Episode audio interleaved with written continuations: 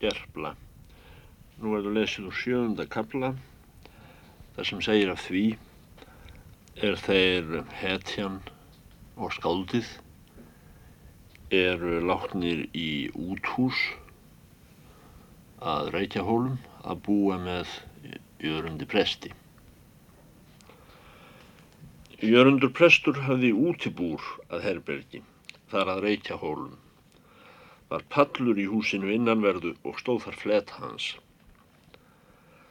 Hann var maður vart meira en tvítur aldri. Hafði verið smalamadur og fengið skamma læringu. En förubiskup, enskur, výði hann Þorgísli og kendi honum nokkra bókstafi og eina antefnu. Og söng hann undir þeirri, vers þau flest er hann kunni, og brínust nöðsin var að syngva, svo sem Pátarnoster og Kredó. Jörgundur prestur átti stólu eina eða glitaðan linda, að bregða yfir herðar sér þá var hann söng, en eigi annað messuklæða.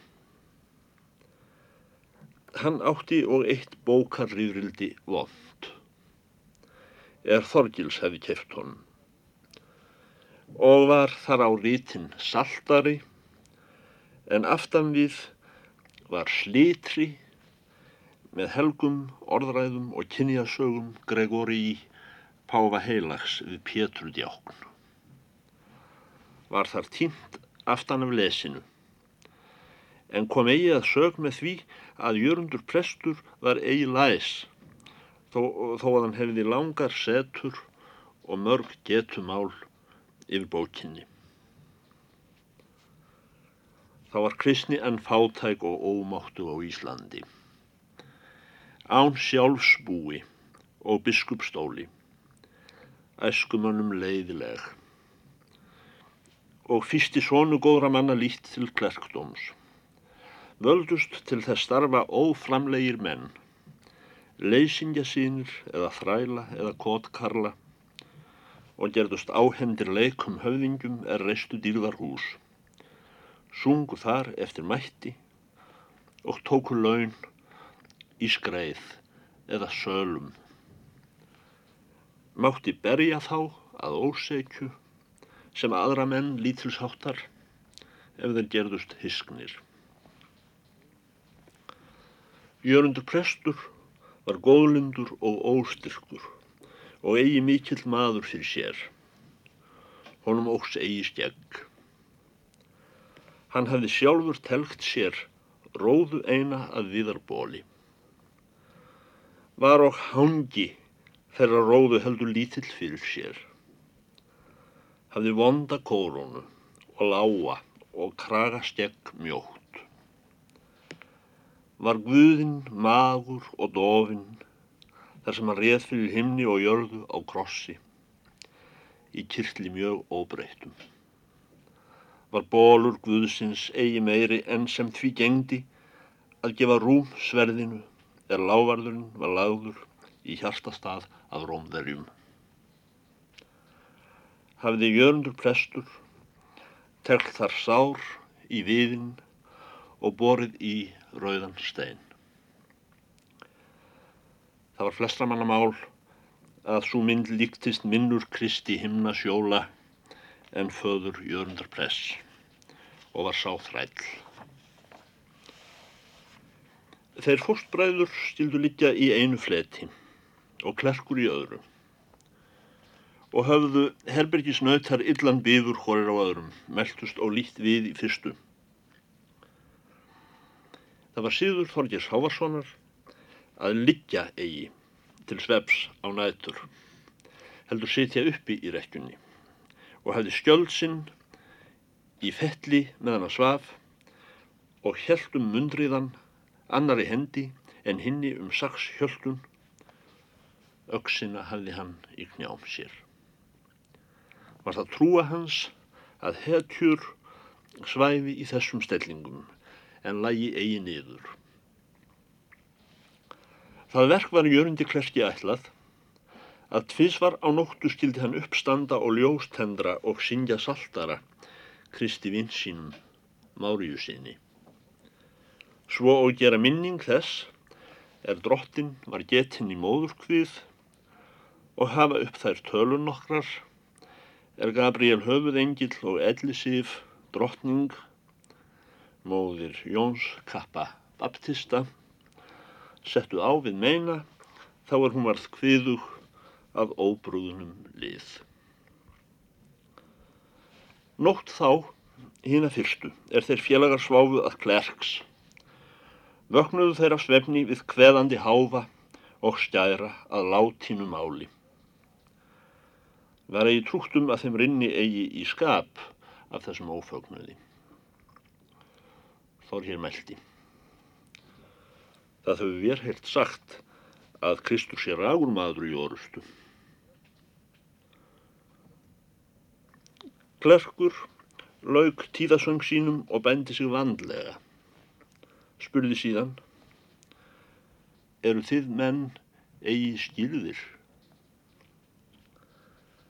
Þeir sögðu að eigi vissu þeir til viss hvað klerkar gákluðu við þá og málga eða hvar átti hvítakristur höfuð orustu, spurðu þeir.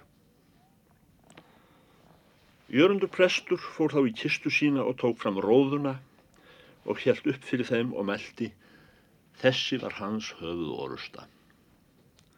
Og sár þetta er úr dreyrir, blóð og vatn, merkir sigur hans. Lítil fræður að deyja og hafa ekki mann fyrir sér áður, eða hverja orustu háði hann, svo að hann segði sjálfur tíðindi spurðu þeir. Klerkur mælti. Dauður reys hann upp og var aldrei ekki sprækari en þá.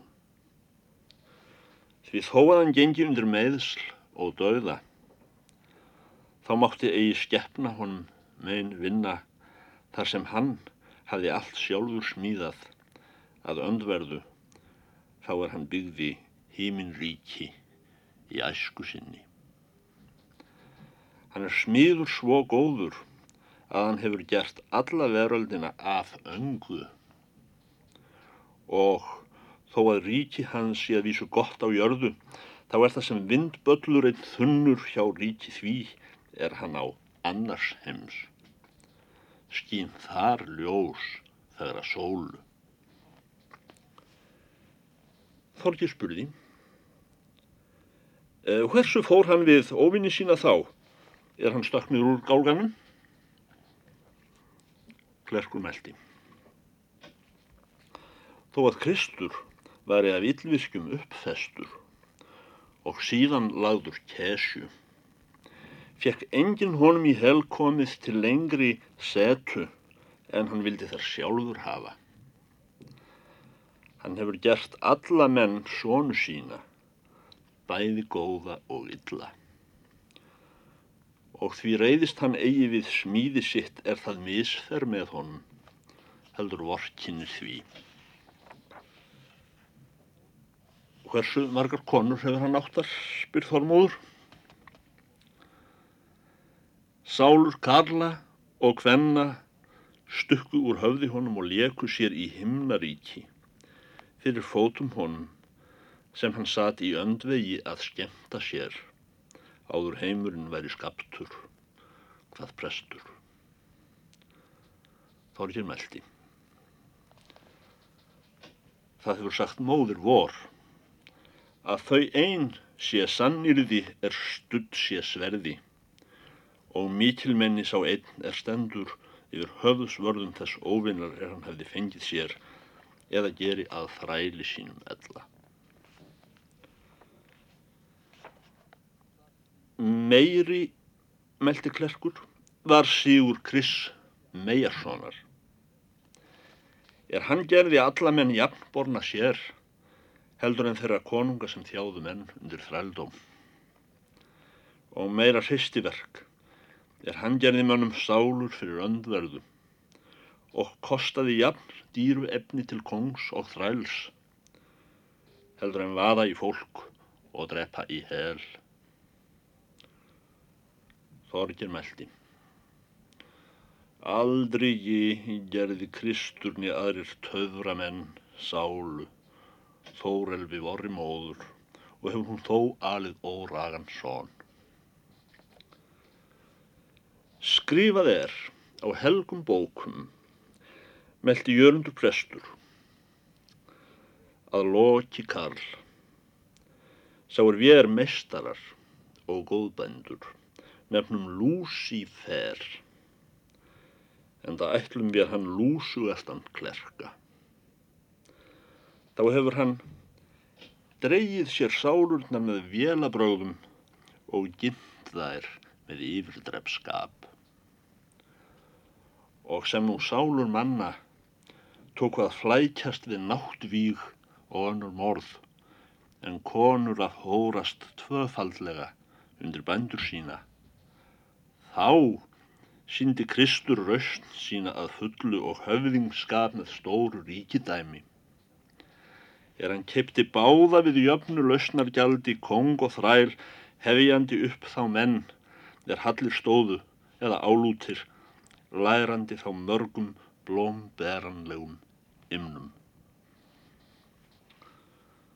Þormóður meldi nú til Þorgers. Mjög að segja vætna að liggja hjá greiðum Þorgils frænda þins og lepja slums, en búa við mann fílu þessa um nætur og heyra á geipan hans. Nær þú manna heilastur, svaraði Þorgir, og var risinn á fætur með alvæpni. Og rost ger smán, eigi allítil. Er vér, skulum herbergðir með örgum leiða þeim, er leggur að jöfnu drengskap góðra manna og vondskap þræla. Þormóður segir að maklegt var að þeir dræpi prestinn fyrir Þóri Gísli. Eigi skal það, meldi Þóri Geir, og vinna okkur svo til óhelgi við Þorgils frænda minn. Má vera að okkur komi betur að eiga nokkur hráskinn hér um vestfjörðu áður líkur en ráning nokkra mættu mér veita honum klerkinum. Þeir þrifu nú til jörundar press og leistu klæði hans, en með því að maður var óstyrkur og fátækur. Í stryga nærklæðum, karbættum, þá nefndu þeir eigi að berja hann lengi of nóttina. Sveið þá og í fingurgómana líkt og undan netlu er þeir snurtu hann gengu út síðan undir beran heiminn og var kyrst veður um vestfjörðu og stjarnljóst. Áttundi gabli. Nú er nærlýður jólum hverfa þeir félagar á það ráð að ganga á fledmanna og borð um vestfjörðu. Vitja engum þeirra bonda er meiri háttar voru og vinabóð höfðu inni. Buðu sér jafnan sjálfur. Þormóður hafi orð fyrir þeim og þótti mönnum sem fyrr ekki ógaman að fræðum hans. Þó voru eigi öllum jafn kærar setur þeirra. Var á eigi vandalöst að gera þeim til hæfis, en þeir gera sér nokkuð dælt við menn og skaka vopn sín. Það var síður þeirra að bjóða mönnum til aflrauna þar sem þeir gistu og hafði þorgir í því fórgöngu. Sumum mönnum buðu þeirra handkrækjast við sig og dróðu þá niður að fletjum þeirra en það er viksög þótt mann rækti eigi við þá. Þeir skoruðu og á menn til sáskinsleika. Þá skemmtun nefna sumir hornaskinsleik. Er svo hátt að leiknum að einum manni er skipað í hvert stofuhorn, en hinn fymti stendur á gólfi miðjum, er kallað að hann sé úti. Nú skulum en taka ráskinn blöytt og vöðla saman í knött og kasta meðal horna í húsinu en útímaður kostar að henda verður þar knattleikur og tókstreita í senn, oft með riskingum og pústrum. Þar má og hljóta kæður þungar ef húðinni blöytri er vafið að höfðimönnum, en eigi skal vopni beita í þessum leik. Sá maður heldur að lokum skinninu er uppi stendur og aldrei varð nýður rekin við gólfinu. Í þessum leik báru þeir félagar jafnan hærra hlut. Var Þormóður svo fímur að honum varð eigi að fótum komið en Þorgir svo sterkur að hann kerði nálega hvern mann nýður og svo harðleikinn að menn fellu oft í öngvit undan snoppungum hans en blóð stökk úr nösum eða munni. Láta þeir nú yfir reyðast við þessari skemmtun um jólinn og annari. Líkt var Bessa bónda, föður Þormóðar, umgefið ferðir þeirra þann nælendis og gerir þeim bóð að þeim var til reyðu matarvist og sveps að laugabóli heldur en sitja slímusetur hjá óvensluðum mönnum og hverfa þeir félagar þangað bak jólum. Þar var heldur óglaðleg vist görpum. Liggur dalurinn fjari sjó og er í þjóðgötu um vetrum en kotkarlar í dauvaralagi og lít lagðir fyrir íþróttir eða hetjuskap. Þeir um, félagar sváfu mjög á daga en þá er þeir vöktu var þeim helst að vegi að hafa upp fyrir sér þulur um fornhetjur, ætlaðar klifa á heitum sínum, að víkja fyrir öngum óvinni og eigi sinn hlut eftirláta fyrir neinum og aldrei ekki ganga fyrir knið óvinn sínum heldur berjast til þrautar uns yfir líki. Það var síður á hverjum vetri þá var sól tók að hækka að saman kæmi æskumenn úr héræðin til leika á vatni því er verður í laugadal neðanverðum, næri laugabóli var okk smó nú. Það voru veður blíð kæla um nætur en sól skeinum daga og lág vatnið trúlega.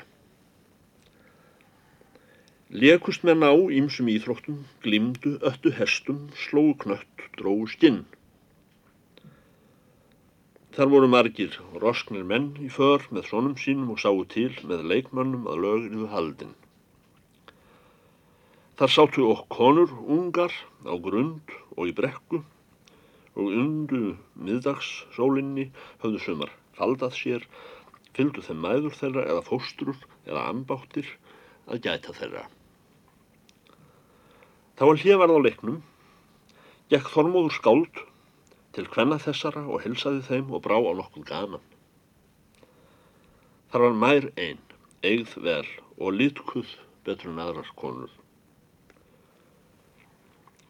Hún virti innvirðulega fyrir sér gest þeirra en þó með nokkuri varúð svo sem vildi hún býða hverju fram indi áður en hún svaraði honum ofmörgu og ekki með öllu skoplaust svo sem þætti henni gaman að grannvöksnum leikmanni og velmeldum án þess að trúa honum þó ofvel.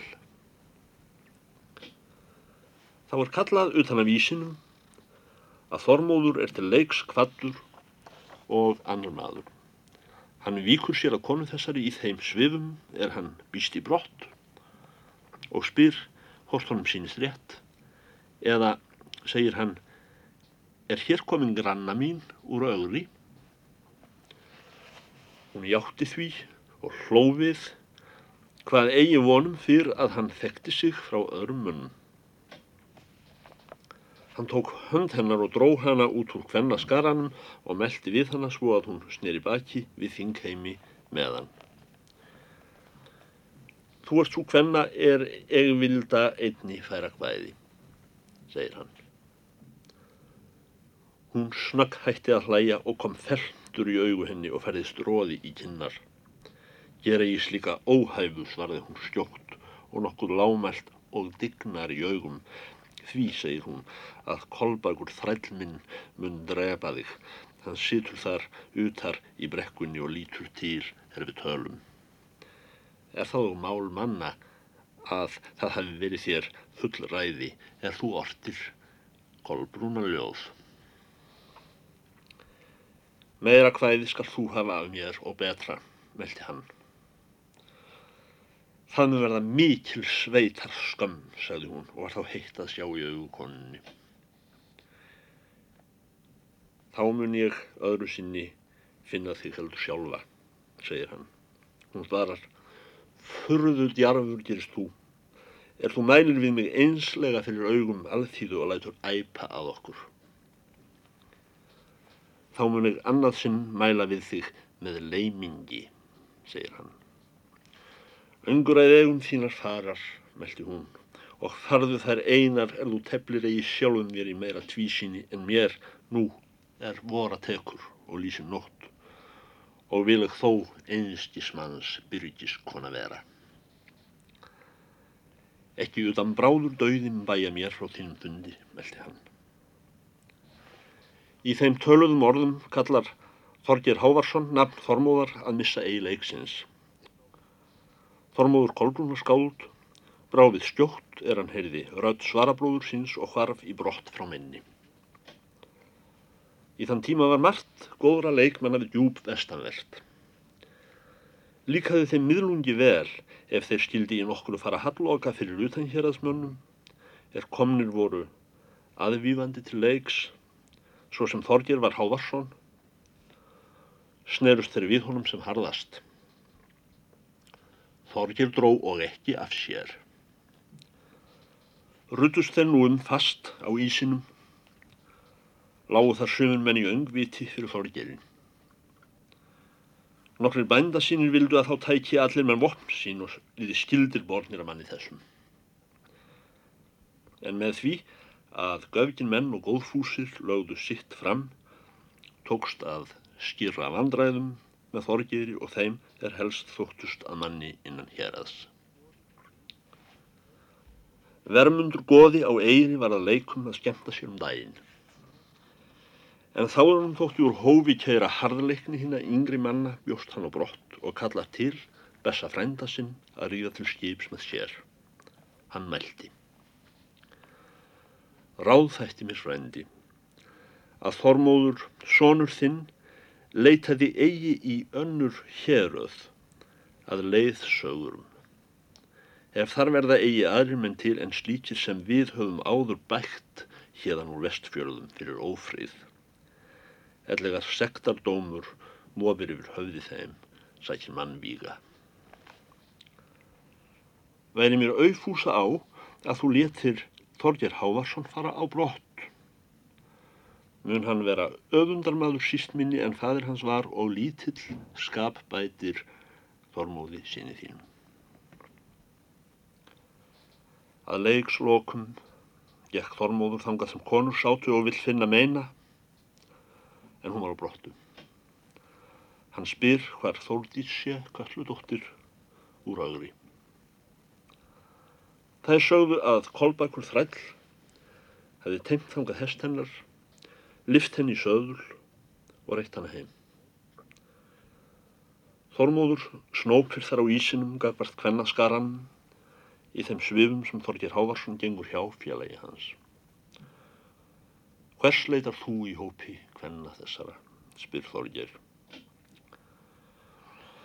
Þar var einn kona fyrir skömmu, en hún er farin, vilt Þormóður, og þykir mér nú sem allur lítur sér afhorfinn að þessum degi. Gerum oss eigi heimska fyrir lítu, segir Þorger. Yrkja við legum konu þessa, meldi Þormóður. Þorger meldi blautlegu starfi hefði hinnum fyrrum skáldum þótt að yrkja um gengil beinur, dætur búand kalla. En sjá eigi þær konur er glóa við heiminn í svana líki. Nú er þar komið, meldi Þormóður, að eig ann minnur en áður þeim konum er fljúa í lofti. Þess mun þig mest yðra, meldi Þorgir Hávarsson. og er sá maður lægst lagður er að konum okrar. Þá leitt Þormóður Kolbrúnar skáld á vín sinn Þorgir Hávarsson og brosti. Egið þarstu að spá mér hrakspám fyrir því, meldi hann, að þitt höfuð mun ég lofa sem verðt er, þá er nærdregu lókum. Nú búast menn heim frá leikum. Þangað gengur Bessi bóndi Haldursson sem þeir félagar standa og teimir hest. Hann meldi við Þorgir. Mikinn hefur þú leikið Þorgir og er hvort veitja að þú ert ofur hugi en það mun þín býða mikil fræð.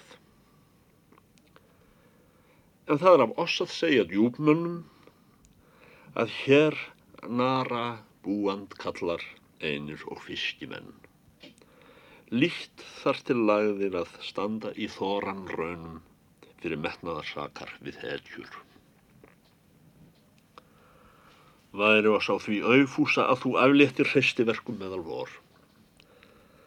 En það vann séð hvar nýður kemur, ef hefst svo öld, að sínir manna skulu á skemmtiþingum liggja í róti fyrir utan hérraðsmönnum.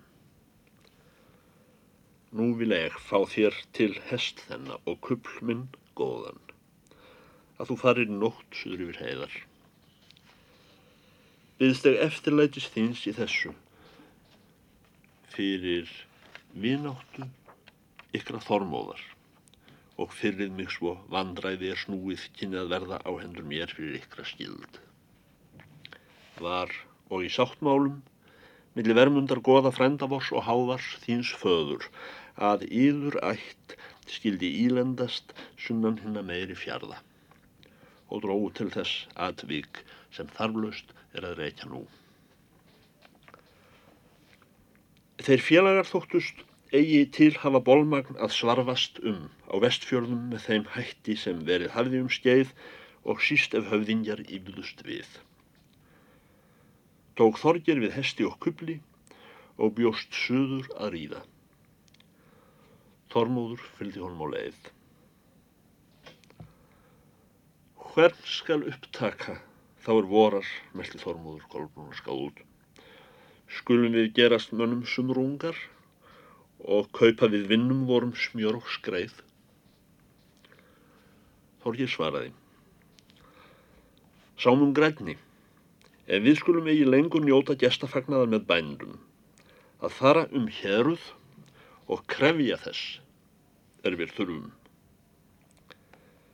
En líkara er að fátt verði um dáðir meðan eigi eru skip og þá kemur mér í hug að fadir minn átti róðra skútu eina þá er nú er að vísu fúin og löskuð.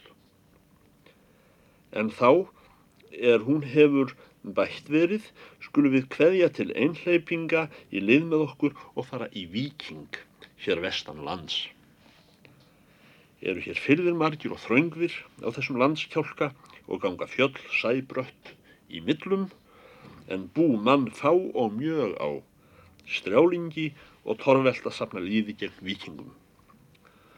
Munum við afla okkur kaupeiris með drengilegum hætti, heimta að bændum skreið, lísi, röggvarfeldi, laðmál og tenn en láta þá kaupa af sér ófrið við góðum gripum þá er slíkt eigu, gulli eða sylfri.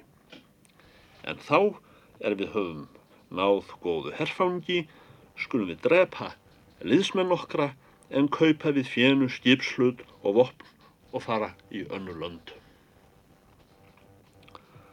Þeir stefna úr laugadal í tungsljósum nóttina yfir Þernuvíkur háls og gengu undir hestinum yfir kleif en þar verður brattastur fjallvegur einn á vestfjörðum. Hjeldu síðan sem leiðilikur um hjörn og Ísa, kollafjörðarheiði, suður að breyða fyrir því. Var margt í ráðagerð þeirra og voru því ráðunari í sinni fyrirætlan sem þá síndust fleiri annmarkar. Þeir komu að reykjahólum að kveldi annars dags og var gefin matur að etta en lítt voru þeim drukkin velkomanda minni af flestum mönnum. sváðu af þessa nótt. Að morni kvötu þeir til menn að gerast vottar að eyði þeirra því að þeir ætluðu að ganga undir jarðar menn. Þeli var djúpur í jörðu og náðu minn eigi að rista þeim nýtt torf. Voru þeim liðar freðtorfur úr heigarði og skriðu þar undir. Þeir vöktu sér blóð og blendu og veittu þann formála til að þar sórust þeir í fóstbræðlalag og stíldu báðir eiga að öllum hlutum eina sög upp þaðan en hafa helmingaskipti um allt fjöð það er þeir öfluðu sér og drengjilegan hátt með ófríði við aðra menn. En sá hefna hins er lengra lífs yrði auðið og kosta þar öllu til. Kristnir menn hlóðu að og hváðu fyrn mikil er freðtyrfingar þessir gengu í helmingarfélag um lúsina er skreið á báðum þeim og myndu slík vesalmenni sent annað fjö deila. Síðan skildu þeir fóstbræður, þeir Þorgir Hávarsson sögur til borgarfjörðar til móður sinnar að fá sér skip en Þormóður Kolbrúna skáld snýr vestur að djúpi.